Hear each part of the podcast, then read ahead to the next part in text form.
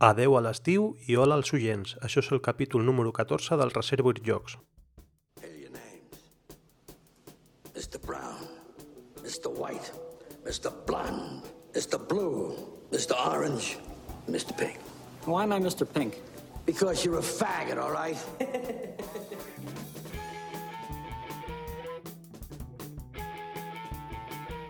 Avui és diumenge 16 de setembre, eh, ja ha passat l'estiu, ja ha passat la, la diada màgica, la diada multitudinària històrica eh, a la que vam poder assistir amb algun amic que també és company del Club Amatent.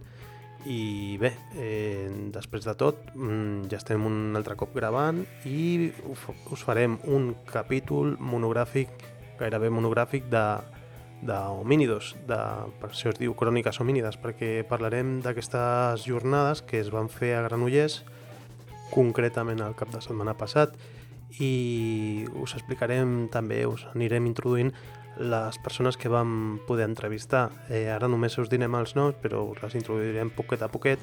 Eh, la primera persona que va passar pels micros de Reservoir Jocs, que bueno, vam anar amb una gravadora no titular, amb una gravadora d'urgència, una Philips que vam haver de comprar a última hora perquè ens vam enterar de que la Zoom que, amb la que gravàvem normalment no s'encenia i bueno, ens vam apanyar amb, amb el que vam poder però la qualitat penso que és bona. La primera persona que va passar, com anàvem dient, va ser el Ternal, el Toni Serra de Sant Fern, que el vam entrevistar perquè és la persona que està darrere de les inscripcions i també porta una iniciativa molt, molt maca i la porta ell eh, pel seu compte, que és una Math Trade. Eh, ja sabreu el que és una Math Trade quan, quan ho parlem a l'entrevista, perquè li demanem que ho defineixi i ho fa molt bé. També vam parlar amb un nou company podcaster que, que venia de Madrid, eh, és el Paco, més conegut a la BSK com a Gurney, que li, li van demanar que passés pel micro per, per explicar una mica el, el seu punt de vista com a, com a participant de les Hominidos, però també van parlar una mica del seu nou podcast, que és un podcast que es diu Dies de Juego, a Dies de Juego no el fa ell només, ho fa amb, amb altra gent, amb la Tània, penso que és, amb, amb un altre noi que no me'n recordarà com es diu. La veritat és que ho fan de conya i també van, van estar ells allà gravant eh, entrevistes, van entrevistar el Pol, per exemple, el Pol Cors, una entrevista bastant llarga, o sigui que podeu complementar el que, el que aquí escoltareu amb, amb Dies de Juego per, per tenir una imatge o una, eh, una idea més global del, del que van ser les homínidos. Si voleu tenir aquesta informació, la, que jo penso que val la pena, perquè el Pol sempre deixa anar alguna informació així bastant, bastant rellevant. També eh, vam parlar amb el Juanma. El Juanma és un noi de la botiga Homolúdicos València, ens va agradar molt eh, que hi hagués presència de, de gent del País Valencià allà a les Homínidos i a part de venir ell, venia també el, el Sergi i el David, que són els companys que té allà la botiga de Molúdicos València i ens, bueno, vam estar jugant la primera nit un Goa amb ells i ens ho van explicar de conya, o sigui que si expliquen així de bé tots els jocs que tenen allà a Molúdicos València, mm, aneu tremolant i preparant les butxaques perquè la veritat és que són gent estupenda i expliquen molt bé us recomanem que passeu per allà perquè deu ser una botiga espectacular també. I per últim vam, vam entrevistar, com no, el Pol, el Pol Cors, que és un emprenedor en el món dels jocs, en el món editorial, i bé, té novetats i bueno, vam anar per ensenyar-li un joc, un joc que jo sóc la persona que vaig comprar la segona unitat, és un joc que es diu Morels, que aquí igual ja, si sou seguidors del podcast, sabreu que és un joc que va sobre caçabolets i resulta que allà, a, a Homínidos, em vaig trobar amb una persona que era la compradora de la primera còpia. O sigui que la, la primera còpia i la segona còpia del joc Morels la vam comprar dos catalans. Eh, estic parlant del David, de l'Enac, de la Ludotecla, i que també és oient d'aquest podcast, i es veu que quan va escoltar que, que, que parlàvem del Morels, eh, pues, mira, li va picar la curiositat i també va, va comprar i ell és comprador número 1 i jo comprador número 2 i això amb, amb l'autor ho he parlat i, i li estranyava moltíssim. Diu, hòstia, les dues primeres còpies les dues van anar per Barcelona. Eh, és el que té el món del podcasting i, i bueno eh, us deixo ja amb les entrevistes i després continuem parlant de curiositats com aquesta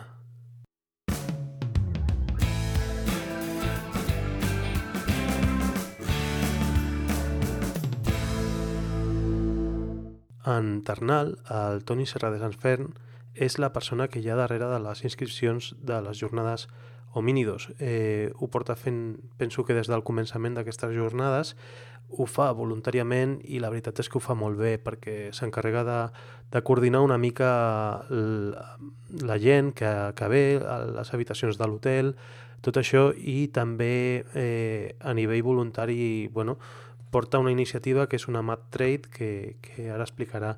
Ell també és autor de, de jocs de taula a les jornades vam estar provant, eh, després de l'entrevista, eh, un joc que, que es diu Skyline, que és un prototip seu, i la veritat és que és un abstracte força interessant i que, bueno, que esperem que el pugui publicar més endavant.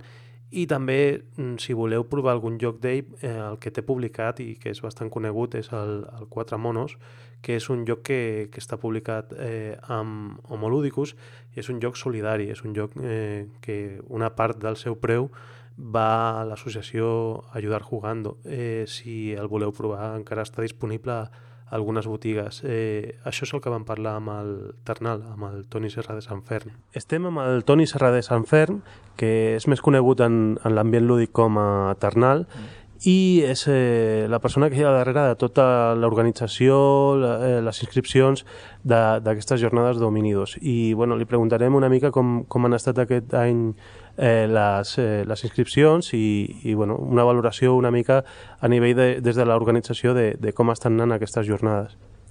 Bueno, eh, en quant a l'assistència la, d'allò, ha sigut una miqueta diferent que altres anys, perquè fa poques setmanes semblava ser que hi, hi hauria una mica de, de baixón d'assistència, una, però al final eh, la gent a la que ha tornat de vacances s'ha començat a animar, s'ha començat a recordar, ui, que teníem pendents les hominidos, i al final la veritat és que hem igualat l'assistència de, de l'any passat.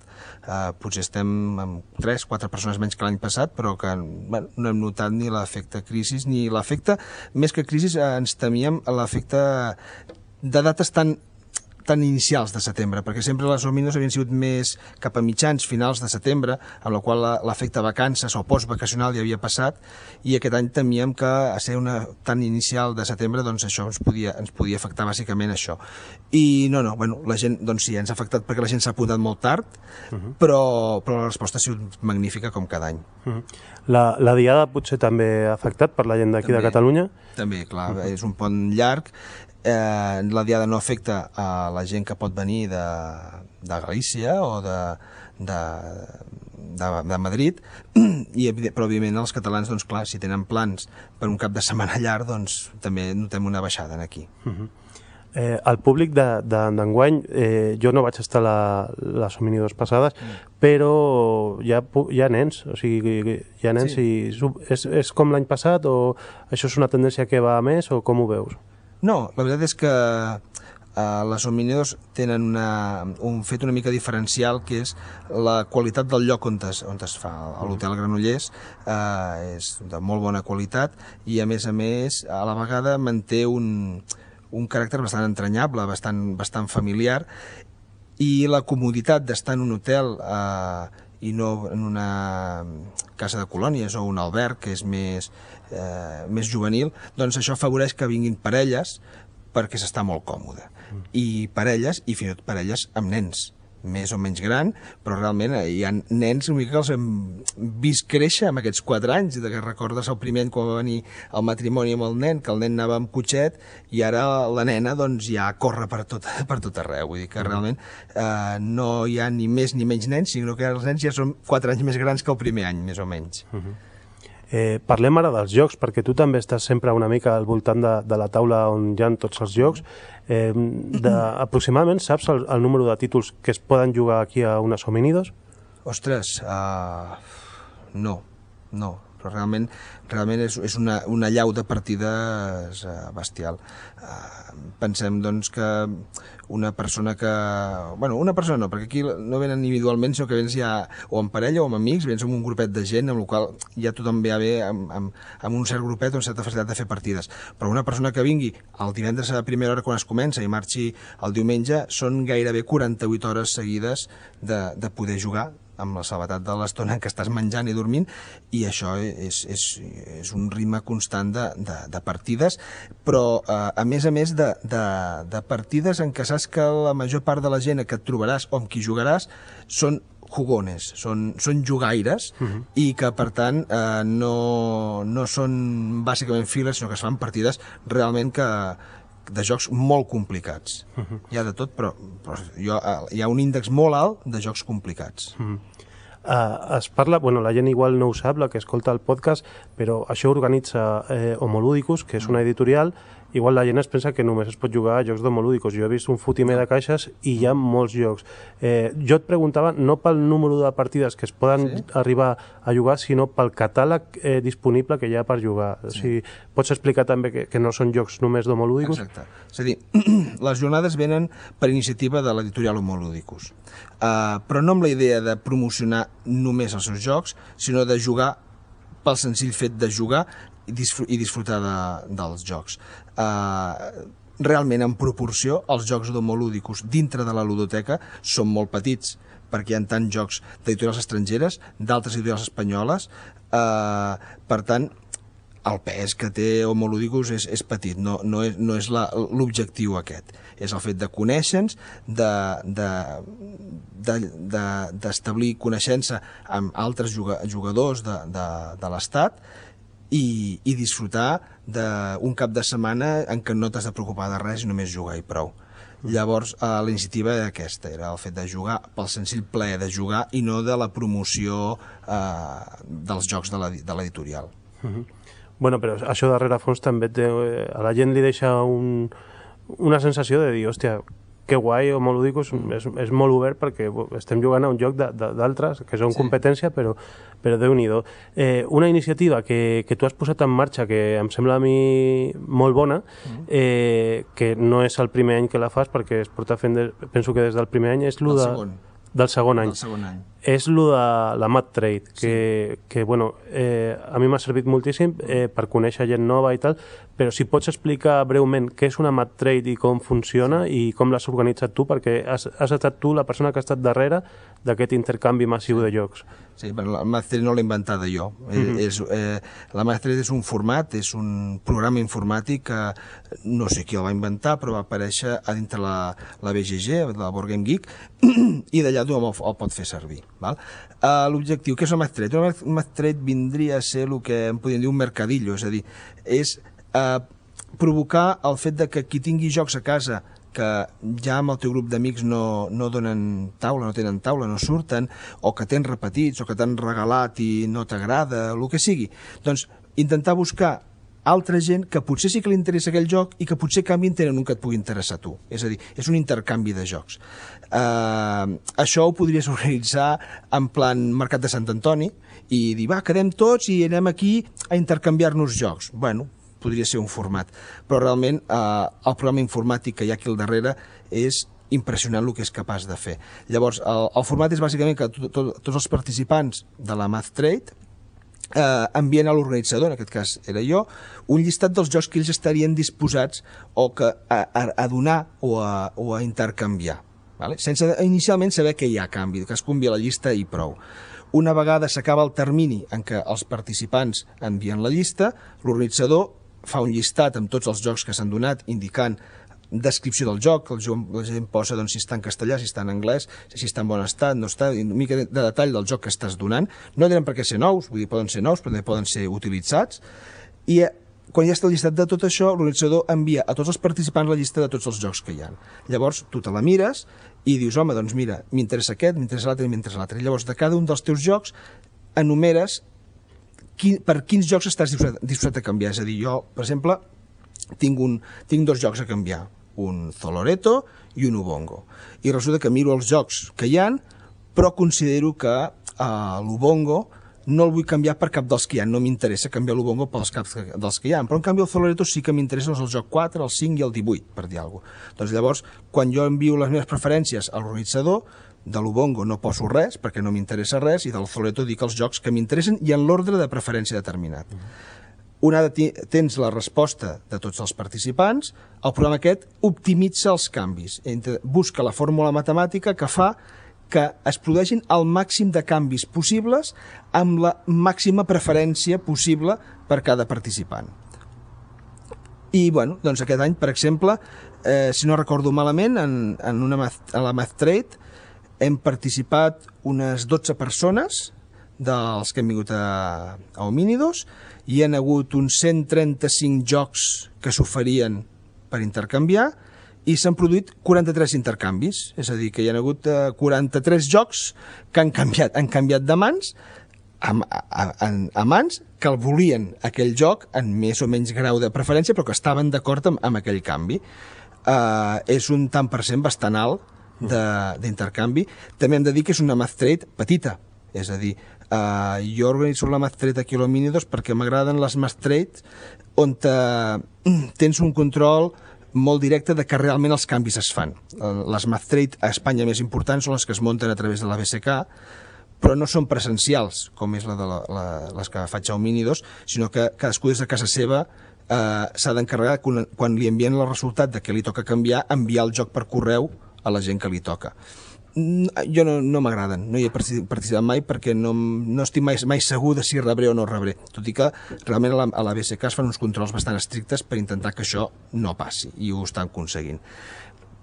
Llavors és un tant per cent, el que hem aconseguit a Omini és un tant per cent bastant elevat d'intercanvis, sempre, sempre l'aconseguim, i a més a més amb el fet que dius tu, que aquí és també un puntet on has d'anar a preguntar per persones, a veure, ostres, qui és el, el, el Teo? Qui és el Teo que li ha de buscar un joc i vas de buscar la persona i allò mm -hmm. també provoques que coneguis altra gent.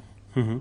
A part, eh, amb aquest algoritme que, o aquest programa matemàtic eh, es garanteix una mica la satisfacció. Eh, tu, no, com a organitzador, no has rebut cap queixa de dir hòstia, he canviat un lloc que per mi eh, el tenia una mica en una estima tal per un lloc que no m'agrada gens. Això no t'ha passat mai, no? No, perquè és que és impossible. Uh -huh. És a dir, és el que dic, si resulta que eh, jo vull canviar eh, un Ubongo, però hi ha un joc que no m'interessa, en l'Ubongo aquell ja no ho posaré, que vull aquell joc, és a dir, eh, jo diria que per l'Ubongo estic disposat a canviar-lo pel joc 3, 4 i 18, perquè realment, si em toca el 3, el 4 i el 18, eh, estaré en, donant a l'Ubongo per un d'aquests jocs. En canvi, si el, em toqués el 15, no donaria l'Ubongo, però és que com no l'he posat és impossible que em toqui. És a dir, l'algoritme se centra només amb els jocs que tu has dit que estaries disposat a entregar l'Ubongo si et toca un d'aquells jocs, amb la qual el que tu em dius és impossible que passi. Uh -huh.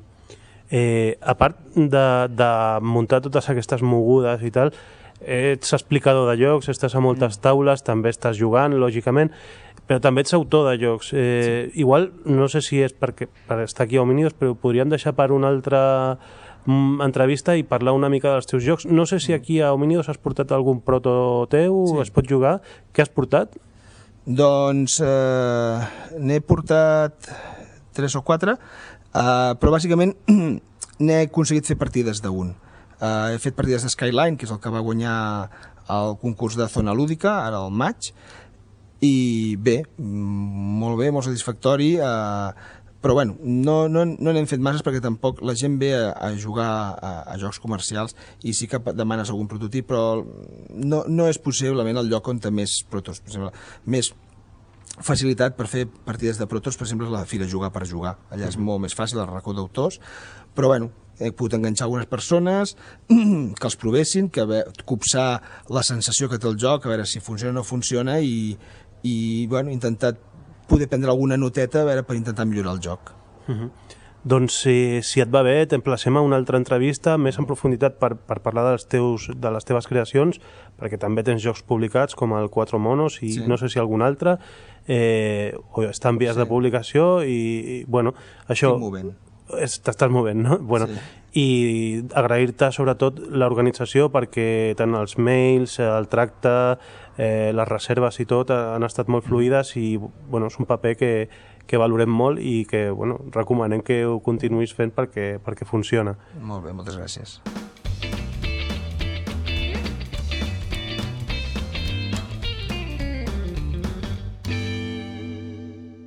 I continuem ara amb el Paco, amb el Gurney i a la BSK, que és una persona que, que bé, semblava superoberta, el, el primer dia el van conèixer, ell també ens va reconèixer com a, com a podcaster, de, ens va dir que, que jo era un veterà i a mi gairebé em fa treure els colors perquè jo considero veterans a, al David, a Ribas o al Calvo o al Cabutor, però jo sóc un passarell en, en aquest mundillo.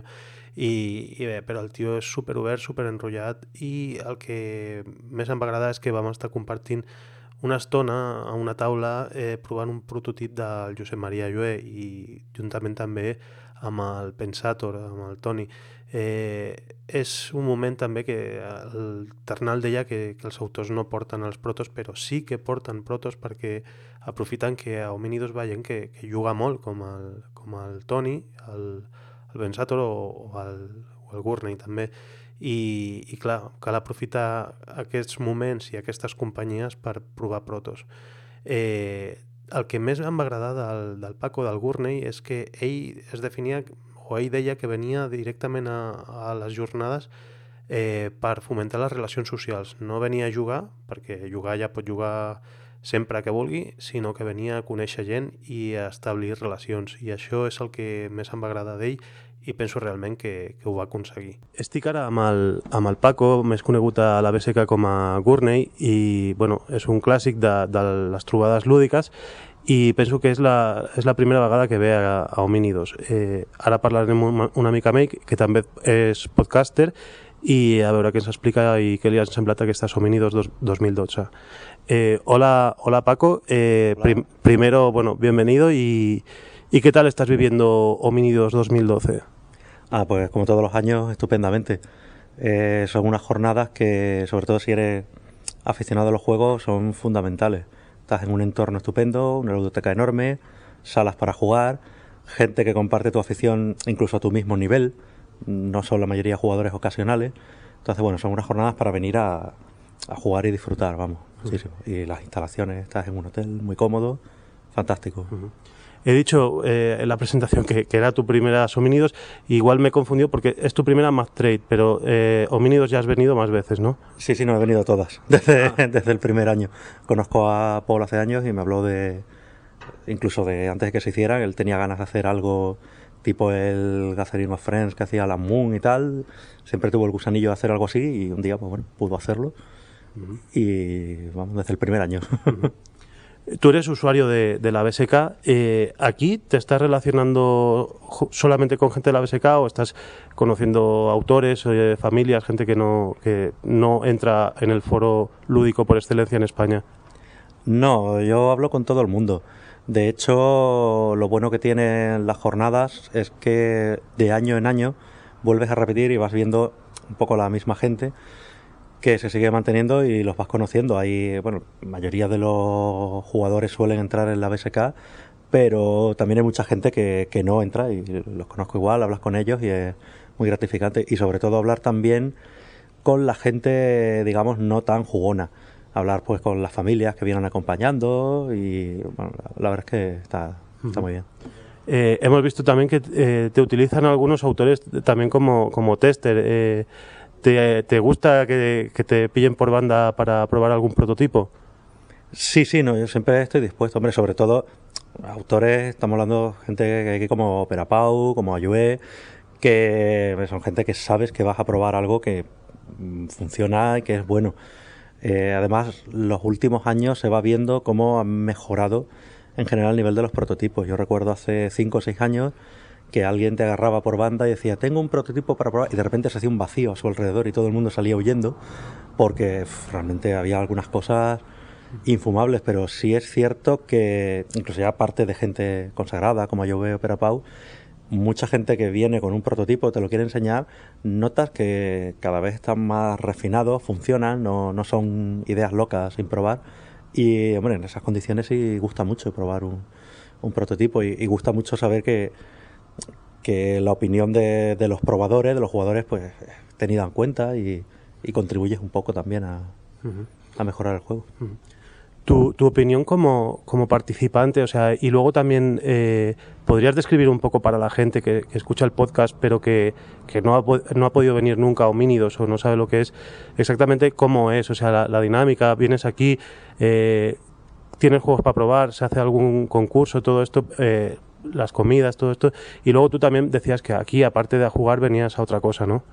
Sí, yo la jornada, bueno, yo eh, personalmente, eh, por suerte, puedo jugar bastante. Tengo un grupo de amigos con el que me junto cada semana a jugar.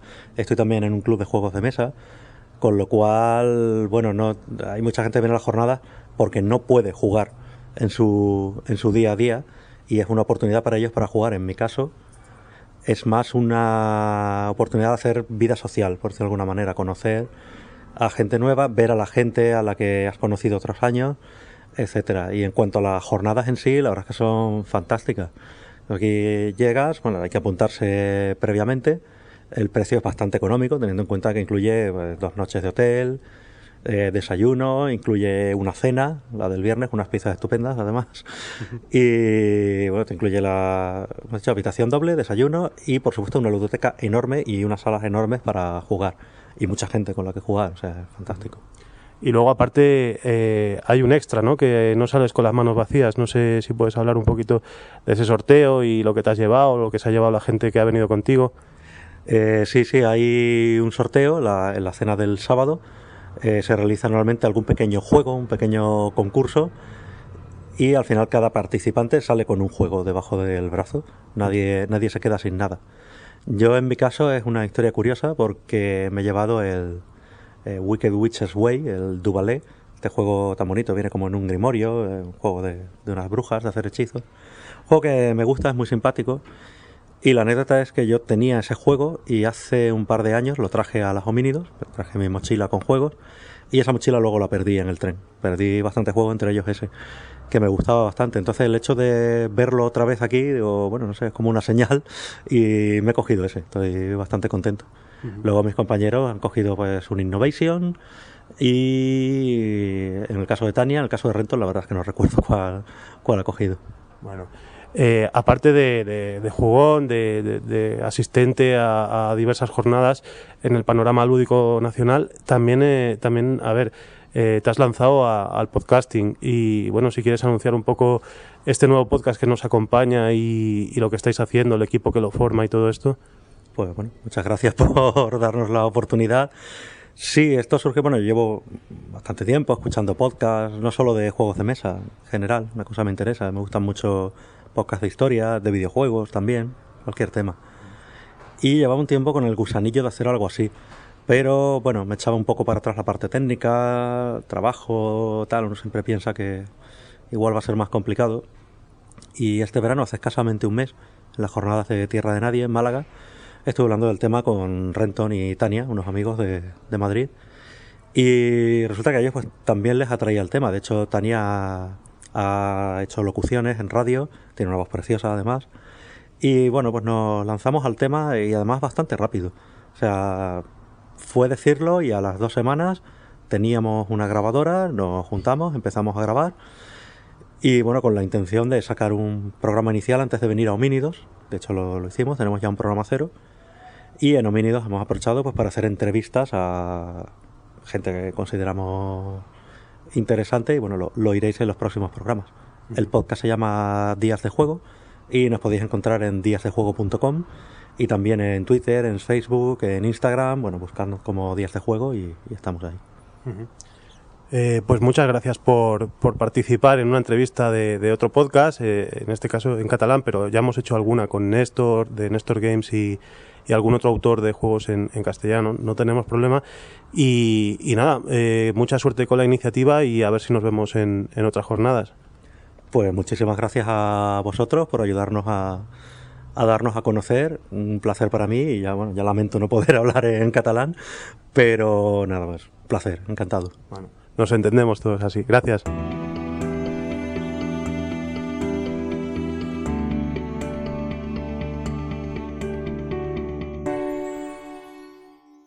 Ara parlem amb el Juanma. El Juanma és un noi valencià eh, dels nois de, de la botiga Homolúdicus València, d'aquesta franquícia que va obrir eh, quasi fa un any allà a València, a la capital, eh, però parlant, parlant, vam, vam trobar un punt de connexió comú que és el, el tema de, de l'oci alternatiu, l'oci nocturn alternatiu, perquè ell és de Quart de Poblet, d'un poble així perifèric de València, que té moltes mogudes a nivell, de, a nivell associatiu, a nivell lúdic. Per exemple, Roland Quart és, un, bueno, és una moguda ja coneguda eh, gairebé a tot arreu, o també Quart de nit, que era el programa d'oci nocturn alternatiu, no sé si continua, i jo estava a Sant Boi, a la Fundació Marianao, fent l'UVPK, que era un programa d'oci nocturn alternatiu també, fa un temps, i mentre ell estava allà i van dir, hòstia, igual hem coincidit a una trobada d'aquestes estatals, també coneixíem a, a gent comú, eh, per exemple, l'Héctor Colunga, eh, un mític de l'oci de l'oci alternatiu, que ja és a Gijón, allà al barri de la Calzada, a lo d'Abierto hasta l'amanecer, i, i bé, bueno, vam estar parlant de les nostres coses, però vam trobar també que teníem, mira, justament aquesta confluència de, dels jocs de taula, no? I, i bé, ara ens explica una mica com, com els hi ha anat per, per muntar aquesta, aquesta botiga, aquesta franquícia. Estic ara amb el, amb el Juanma, que ha vingut de, de València, acompanyat amb dos companys més. Ell és eh, representant de, de la franquícia Homolúdicus València i bé, eh, li preguntarem una mica com, com va tot, o com, no sé si ja han obert allà mm. i com estan les vendes i també perquè han vingut aquí a, a Homínidos. A veure, que, com va tot allà a Homolúdicus València? Doncs bé, el, és el nostre primer any, encara no, no hem arribat a, a fer l'aniversari, però dins d'un mes doncs ja complirem el, el primer any funcionant i de moment contents. Eh, no sé, la, la nostra idea a l'hora de crear la tenda era una tenda que fora oberta, que, que fora accessible per a tot el món. Vam deixar una zona de ludoteca amb taules per a que la gent poguera vindre i provar els jocs i, i no sé, pareix que, que està funcionant, que n'hi ha molt públic que igual no coneixia els jocs o que els coneixia però poquet i, i de moment estem contents. Uh -huh. el, el model aquest eh, particular que dius de, de botiga oberta, de botiga de carrer accessible i tal, eh, teniu algun referent? Us heu fixat en, en, en d'altres botigues o, o amb, teniu algun model concret? A veure, nosaltres el que tenim és una, o sigui, és una franquícia de Homolúdicus i quan varen estar així a Granollers, perquè coneixem a Pol i a Heidi des de fa eh, pues ja 5-6 anys, eh, pues volíem una botiga que tinguera una, un lloc on la gent es poguera seure i provar els jocs. I nosaltres sobretot eh, a l'hora de, de muntar la tenda en València pues, volíem tindre un espai que o sea, volíem obrir al públic en general. Volíem poder arribar a les famílies, eh, facilitar el, que la gent coneguera els jocs, també amb el tema de la ludoteca, com, o bé el, el servei de préstec que també oferim per que la gent pugui anar i per un, dos, tres, quatre euros pues, poder agafar algun joc, emportar-se'l, provar-ho a casa tranquil·lament amb els seus amics o amb la família o amb qui siga i si els agrada pues, els tornem els diners. La idea nostra és pues, això, facilitar. Entonces, sobretot va ser de la, pues, parlant amb el Pol i l'Aidi, que, que amb el referent d'Acid Homolúdicus de Granollers pues, ens paregué que, que era la nostra millor eixida a l'hora de muntar una tenda de jocs. Mm -hmm. Que, que interessant, lo, de, lo del lloguer de llocs. Jo no sabia que, que es feia. És idea vostra o, o d'on sorgeix això? Però la veritat és que no sé si n'hi ha algú que ho fa o no ho fa. Eh, nosaltres, eh, abans de crear la botiga, ja portaven 3-4 anys fent activitats amb els jocs de taula per un grup de gent que, que va sorgir d'una associació juvenil que treballaven en l'oci temps lliure pues, amb el tema dels jocs. I, i bé, per explicar-ho tot una mica, nosaltres hem muntat la, la franquícia d'Homolúdicus des d'una de, des de associació eh, que es diu Associació Impuls. Nosaltres dedicàvem a fer activitats de, de lleure, activitats socioeducatives, i una línia que portàvem sense donar-li massa importància era pues, el tema d'oferir tallers o demostracions de, de jocs de taula i poquet a poquet amb el grup aquest pues, va començar creixent, creixent el número d'activitats, creixent el, el tema de la venda de jocs, tot i no tindre un espai físic on poder fer-ho, i pues, després de dos anys donant-li voltes pues, vàrem, vàrem crear la botiga. Per això, quan la vàrem crear ja teníem un, un, o sea, una ludoteca molt important i sabien que, que era molt, o sea, que era, era necessari que la gent eh, poguera seure i provar els jocs abans de, de vendre res. Mm -hmm.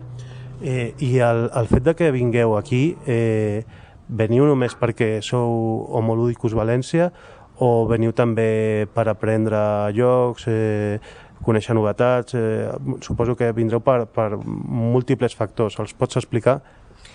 Sí, com dius, és una mica per tot, per, per conèixer nous jocs, per conèixer les eh, futures novetats que, que, va, que anem a tindre a, a Homo Ludicus, com el Biblios, el Calua, no sé, hem provat uns quants i ens agraden molt.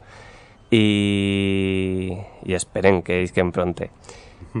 I, i res, i per trobar-nos també amb el Pol i Aidi perquè, perquè feia, feia ja temps que no ens havíem vist. Aquest any ha sigut un any molt dur de fer moltes activitats a l'exterior, de no poder a, de no poder tindre un moment lliure per poder pujar així i, i trobar-nos i ha sigut una mica per tot, per, per afició personal també, per disfrutar un, o gaudir un cap de setmana amb gent que, que li agrada els jocs de taula i, i compartir pues, això i conèixer molta gent, perquè la veritat és que també les hominidos nosaltres no havíem, bueno, jo personalment no havia vingut mai i, i no sé, crec que, que n'hi ha un molt bon ambient i, i la ludoteca sí també és impressionant. Uh -huh.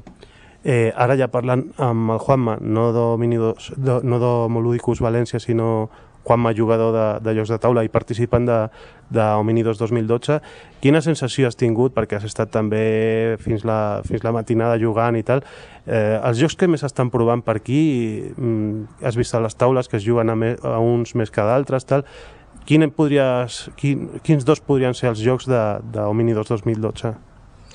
Uf, els dos jocs dominidos. Doncs jo diria que un d'ells, i tot i que no està encara... Bueno, jo diria que el Biblios ha estat sol·licitat. Jo he, he, he vist molta gent eh, que volia trobar-ho i no n'hi no havia manera. Ahir no sé què va passar, algú se, segur que se'l porta al quart i va aprofitar per a, per a jugar una estona.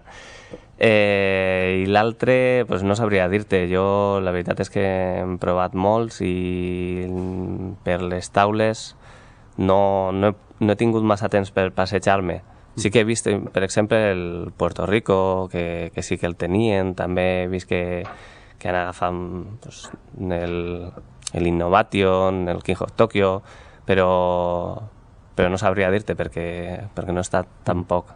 He, he pogut disfrutar una mica jugant i... Bueno, t'has distret. Jo és que eh, la meva sensació particular, jo estava jugant a una taula al Innovation i, i sentia d'altres taules exijo que me des eh, una carta i dic, hòstia, està tothom jugant a, a l'Innovation i bueno, com, com és d'Homolúdicos també, doncs, bueno, felicitats perquè bueno, ens ha agradat bastant el que hem provat d'Homolúdicos, amb vosaltres també vam poder provar el Goa i, i bueno, eh, els perfils que esteu allà a la botiga penso que sou bastant diferents, no? Eh, tu vens del món del lleure, però els altres companys no sé si, si vols introduir una mica els perfils o, o, o, o per qui poden demanar, perquè ara estem, estem parlant amb en Juanma, però també hi ha el Sergi, també hi ha més gent. Mm -hmm.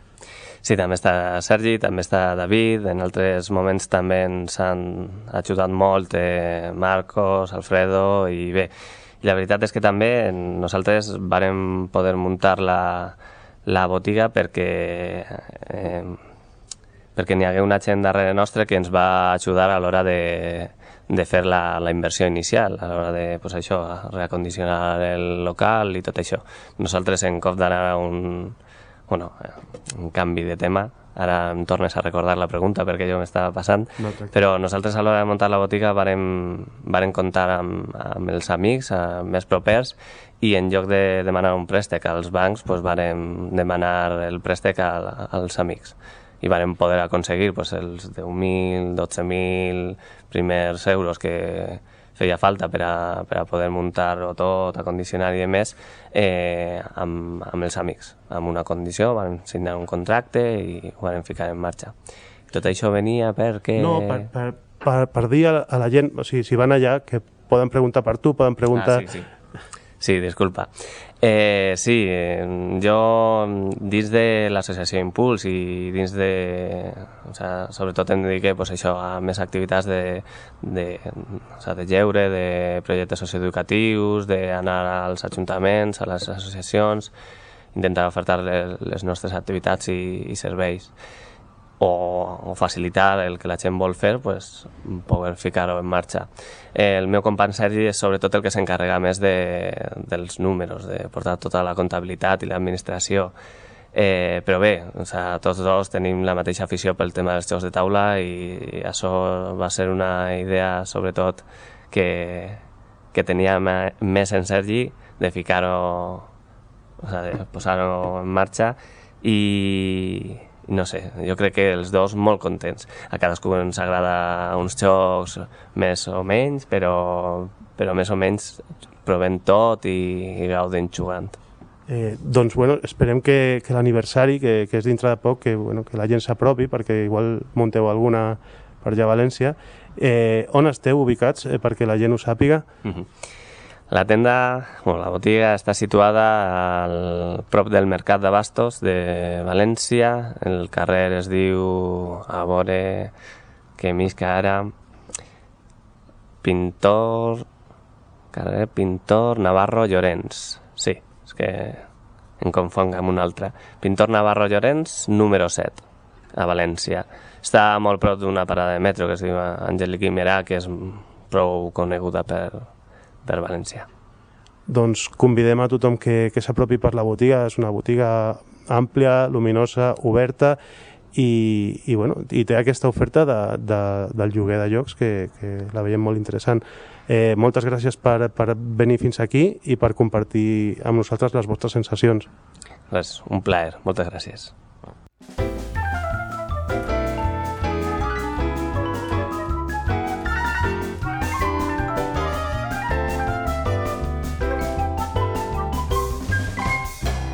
I ja per acabar, eh, parlem amb el gran mestre de cerimònies que és ni més ni menys que el Paul Kors, eh, una persona molt vinculada al món del, dels jocs, que el que jo dic és que nosaltres com a, com a, aficionat a, a, aficionats al, al món dels jocs de taula hem tingut la sort que el Pol li ha donat per ser editor de jocs, que podia haver estat eh, un emprenedor en un altre sector, en la banca, en vés a saber què, i no hauríem gaudit de, de tantes novetats i de, tant, bueno, de tants bons jocs com ens està nodrint al, al mercat estatal.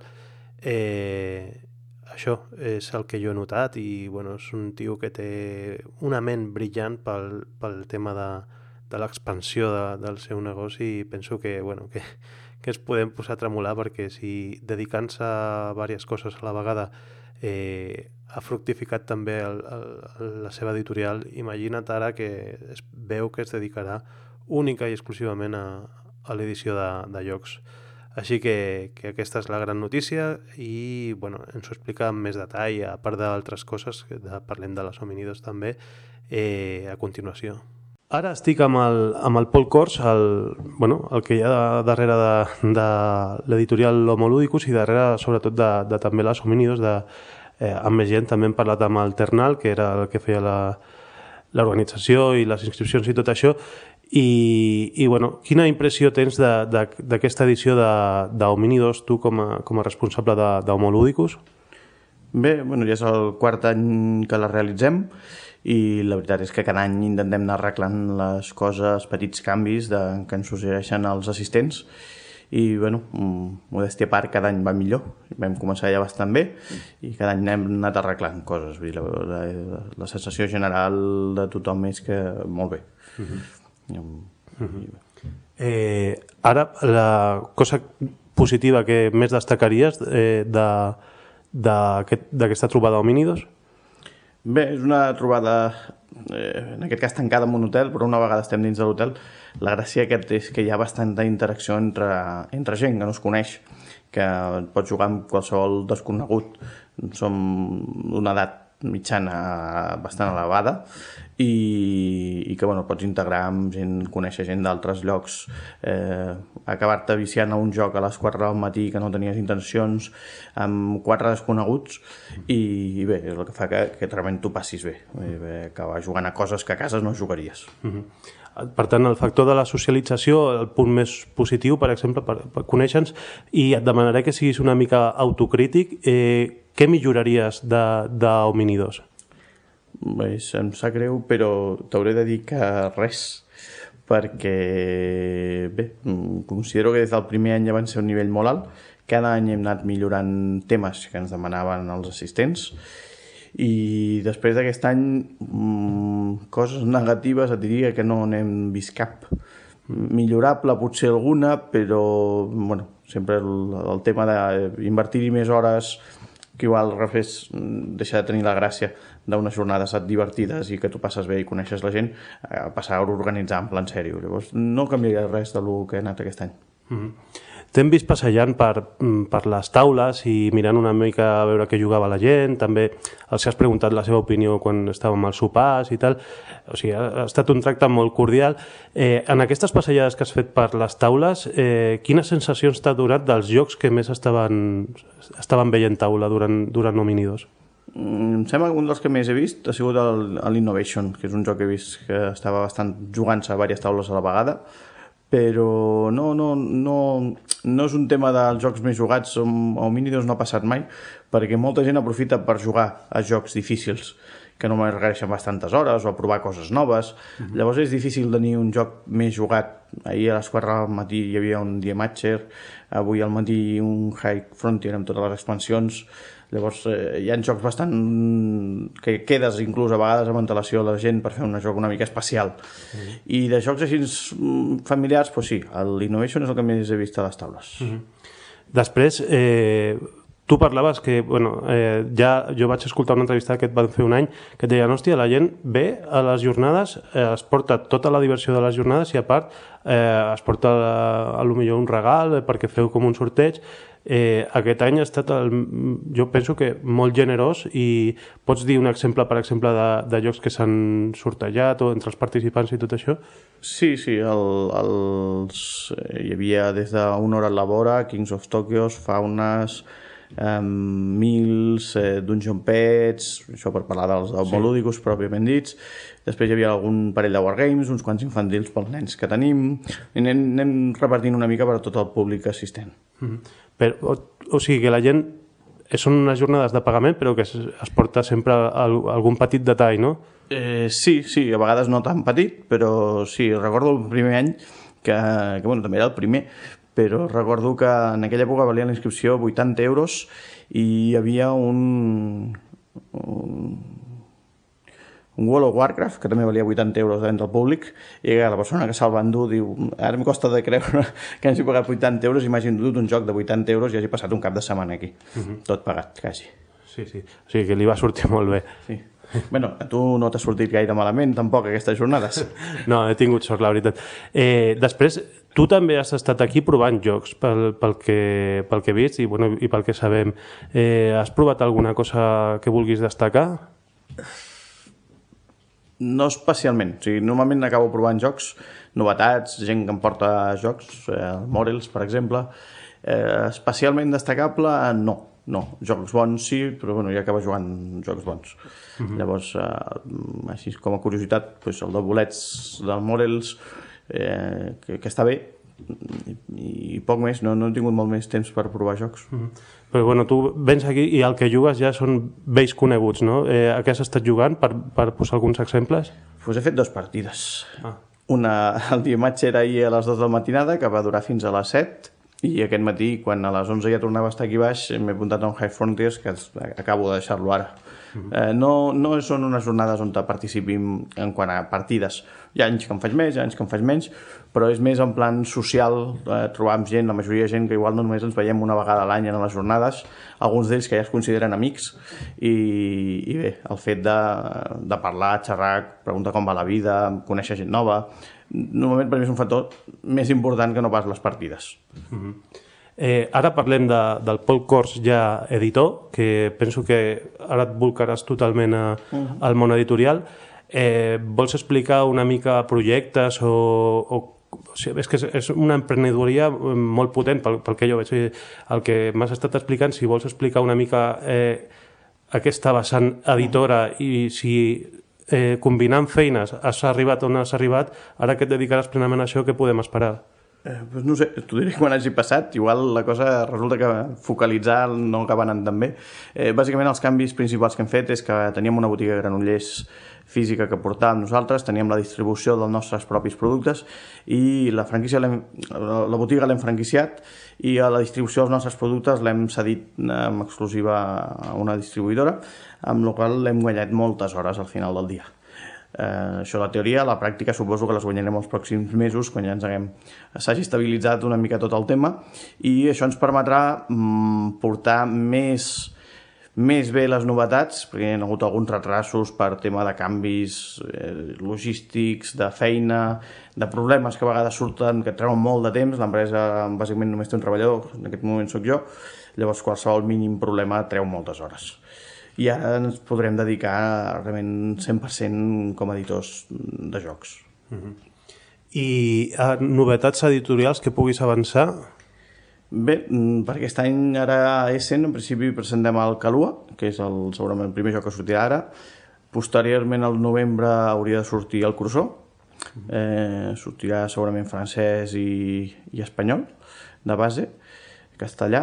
Eh, sortirà en algun moment abans del final d'any el Camarero i Intrigas de Palacio, que és un dels productes que s'han retrasat amb tots els canvis i, i temps i novetats que han prioritzat treure el Crusoe, per exemple, que era un joc una mica més gran amb llicència internacional i eh, algun joc més també aquí final d'any l'expansió del King of Tokyo una expansió del Gloria Roma i si tot va bé mm, finals de novembre suposem que el Through the Ages és, estarà també disponible mm -hmm. Has parlat del Glòria Roma. Eh, nosaltres hem vist que, que per, per Europa circula una, una edició que és la Black Box. Uh -huh. eh, vosaltres, si teniu la llicència de Glòria Roma, penseu editar aquesta, aquesta Black Box? No, l'edició de Black Box és l'edició una edició americana que es va fer pel Kickstarter. Um, teòricament la llicència la van concedir només per als Estats Units. Llavors a Europa les editorials tenen la llicència original, que és la, la que vam editar tots els europeus. Uh, personalment no m'agrada excessivament.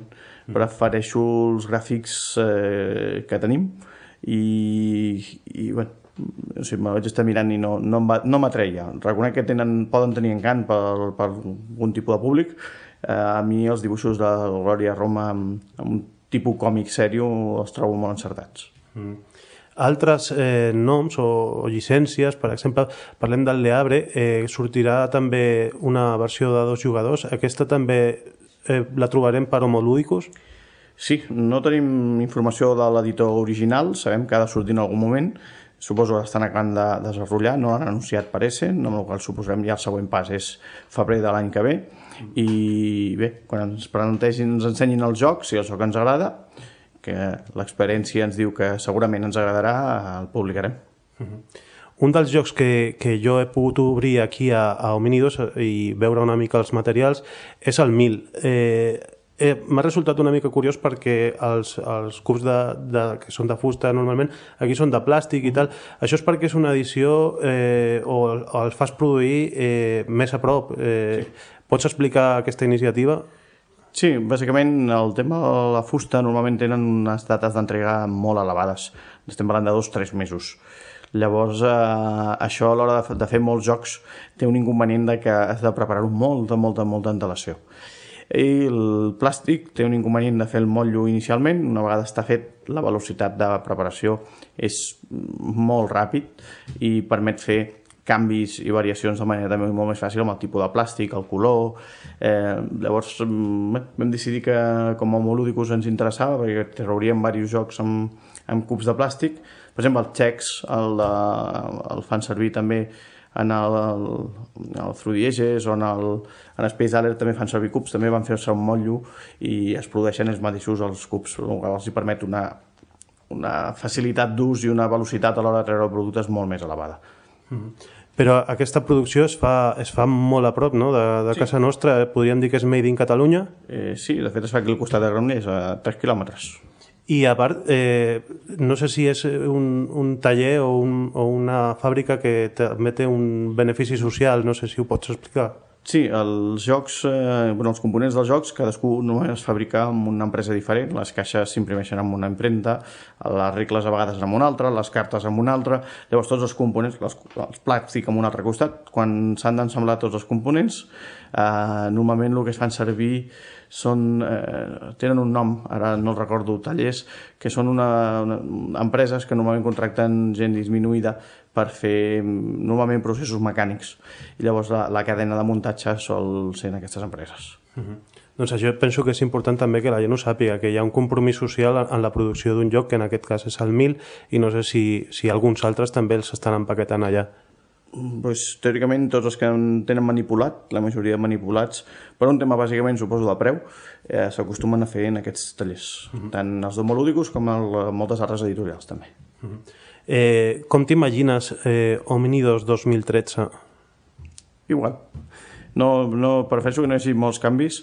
Eh, un dels objectius d'Omnidos és que ens ho passem bé sense que es converteixi en feina i tenim el tamany perfecte per aconseguir-ho, omplim bàsicament tot l'hotel, no tenim intencions de créixer més, perquè en el moment que creixes més, tots els problemes que puguis tenir, eh, entens, entens més dels habituals i deixa de ser divertit, de passar-t'ho bé, de tenir temps per poder per poder parlar amb, amb la resta de participants. Uh -huh. eh, hem vist també bueno, que Homoludicus és de les editorials que més cuida eh, els, autors, eh, els autors nacionals. Poder, podrem veure alguna novetat més d'autors nacionals eh, en, el, en les properes dates? Bé, el, la novetat principal, bueno, tant Calua com Crusoe són d'autors d'aquí. Calua és d'un noi, si no recordo malament, de Madrid, el que passa que estava vivint ara a Londres, i el Crusoe és del Bragder, que és malagueny, i els dos seran abans de, publicats abans de final d'any. Llavors, sí, seguim publicant jocs d'autors d'aquí. Eh, realment que siguin el fet de que siguin autors d'aquí o no és indiferent, és irrellevant, ens agrada dir que publiquem jocs bons. Uh -huh. Llavors, eh, si tenim dos per escollir que creiem que estan al mateix nivell, tindrà preferència el, a l'autor d'aquí, però en principi el factor principal és, és que ens agradi el joc. Uh -huh.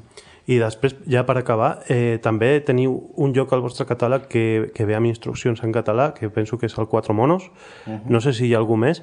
Eh, ara ho expliques. I eh, la, produir un manual en, en instruccions en català eh, complica molt l'edició o veureu que fareu un canvi, a lo millor us posareu una mica més com a editorial eh, instal·lada aquí a Catalunya amb el català o, o no teniu pensat fer aquest canvi? En els jocs editats per nosaltres mateixos, on tenim totalment el control sobre l'edició, intentem que surtin en català. Eh, sempre és veritat que mm, si el joc va per públic especialitzat mm, ni ens interessa ni crec que sigui interessant perquè són productes molt especialitzats amb un públic que realment el cost de la traducció encariria molt el producte. Amb productes més familiars, com Quatre Monos, el Cafè Reis en el seu moment, han sortit en català la majoria de jocs familiars intentem que surtin en català, però per exemple si hi ha text en el joc en format de cartes, el cost és... Eh, no, no, no és factible. Uh -huh. Llavors, eh, si només és el reglament i es va amb temps, eh, es pot arribar a editar. Mm, la, el meu nivell de català no dona perquè jo pugui fer les traduccions, som una mica maniàtics amb les traduccions i, i les hem fer per persones qualificades, Llavors, a vegades et diuen per la setmana que ve hem de tenir això entregat i et donen els fitxers. En una setmana és impossible contactar amb la persona que tingui temps de fer la traducció, que la puguis maquetar, es pugui revisar i de més. La castellana ho tenim molt més per mà eh, i normalment també és molt més ràpid de fer, perquè ja tenim una persona fixa que s'encarrega de les nostres traduccions. Uh -huh. sí.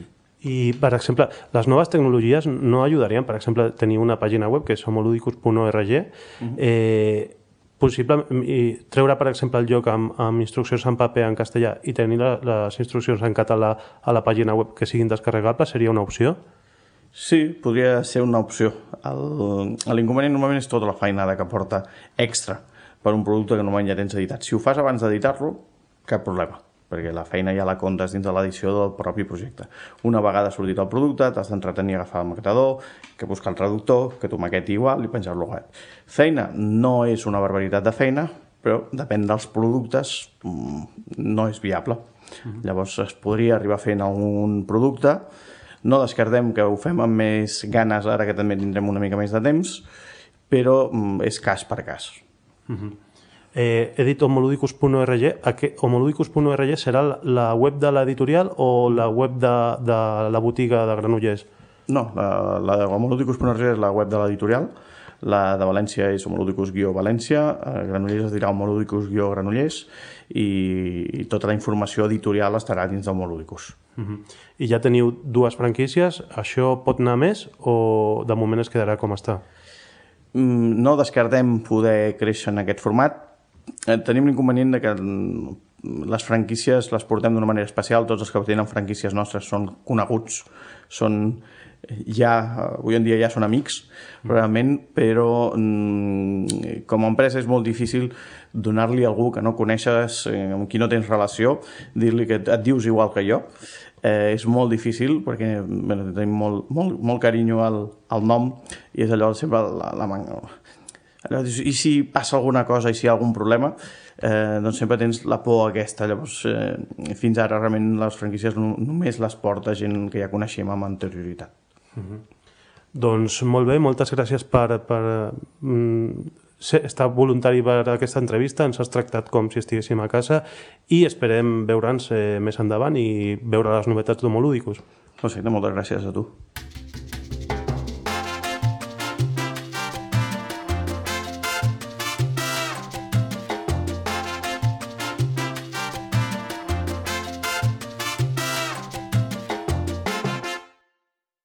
Doncs aquestes han estat les entrevistes que vam fer a Homínidos 2012, les nostres cròniques homínides.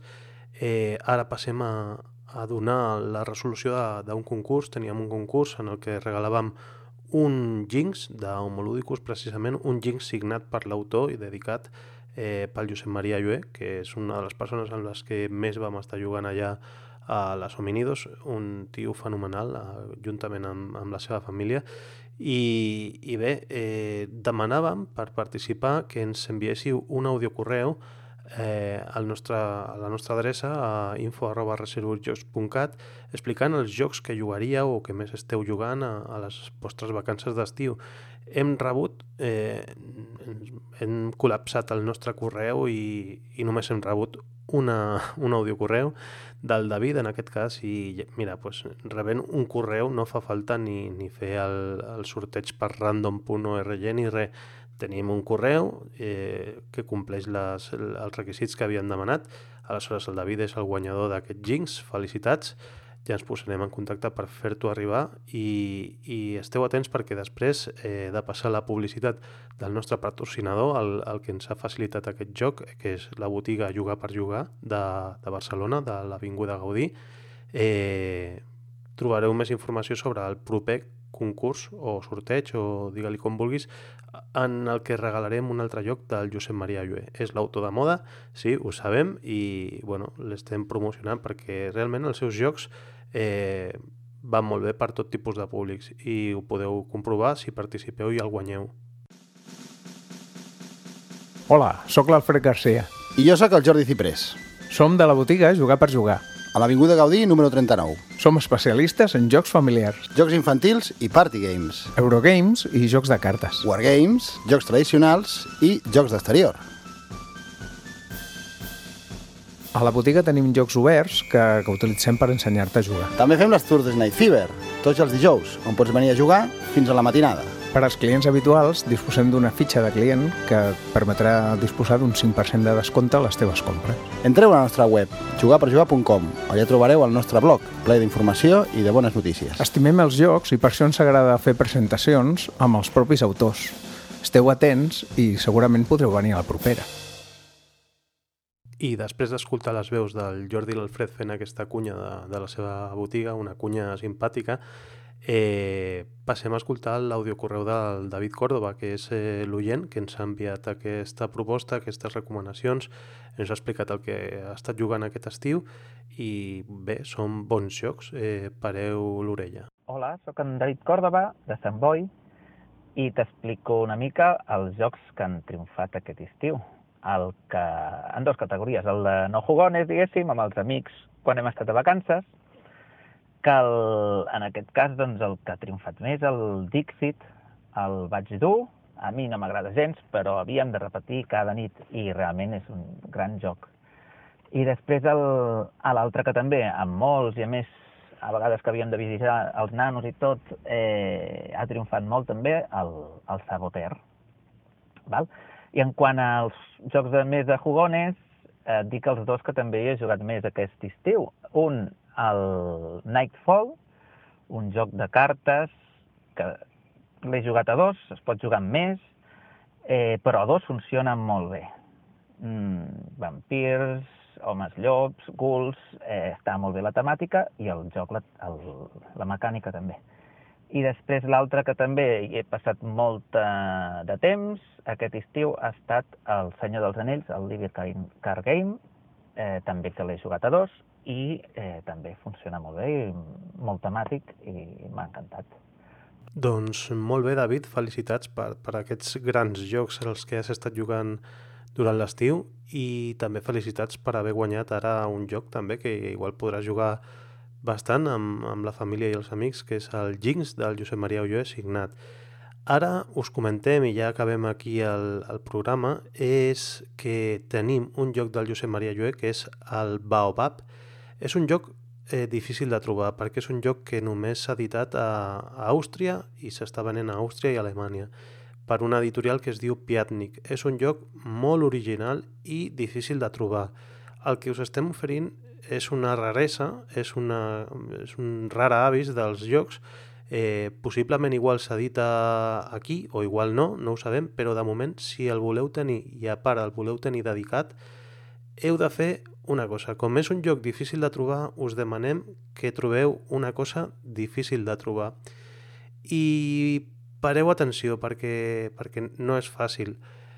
Us demanem, igual que us demanàvem un audiocorreu, aquí us demanem que ens envieu, si pot ser també un audiocorreu, eh, i que busqueu, heu de buscar entre la Sagrada Família de Barcelona i la botiga Jugar per Jugar, a l'Avinguda Gaudí, en aquest tram, que està entre la Sagrada Família i l'avinguda i, i la botiga Jugar per Jugar, la, de l'Avinguda Gaudí, hi ha una botiga que dintre de la botiga té un quadrat màgic.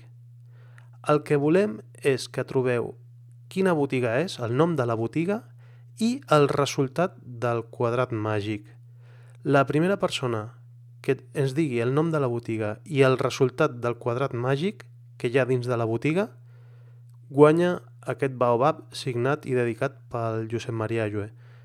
És un joc difícil de trobar i per això us demanem una cosa difícil de trobar. Tampoc és tan difícil. Si aneu a la botiga a jugar per jugar, doncs eh, us va de camí. Vale? Només heu d'estar una mica atents i una mica desperts i ho podeu trobar. I aquest és el repte. Si ens envieu un audiocorreu dient nom de la botiga i número resultant del quadrat màgic, guanyeu un baobab signat, importat des d'Alemanya. Així que molta sort i que vagi bé la cerca.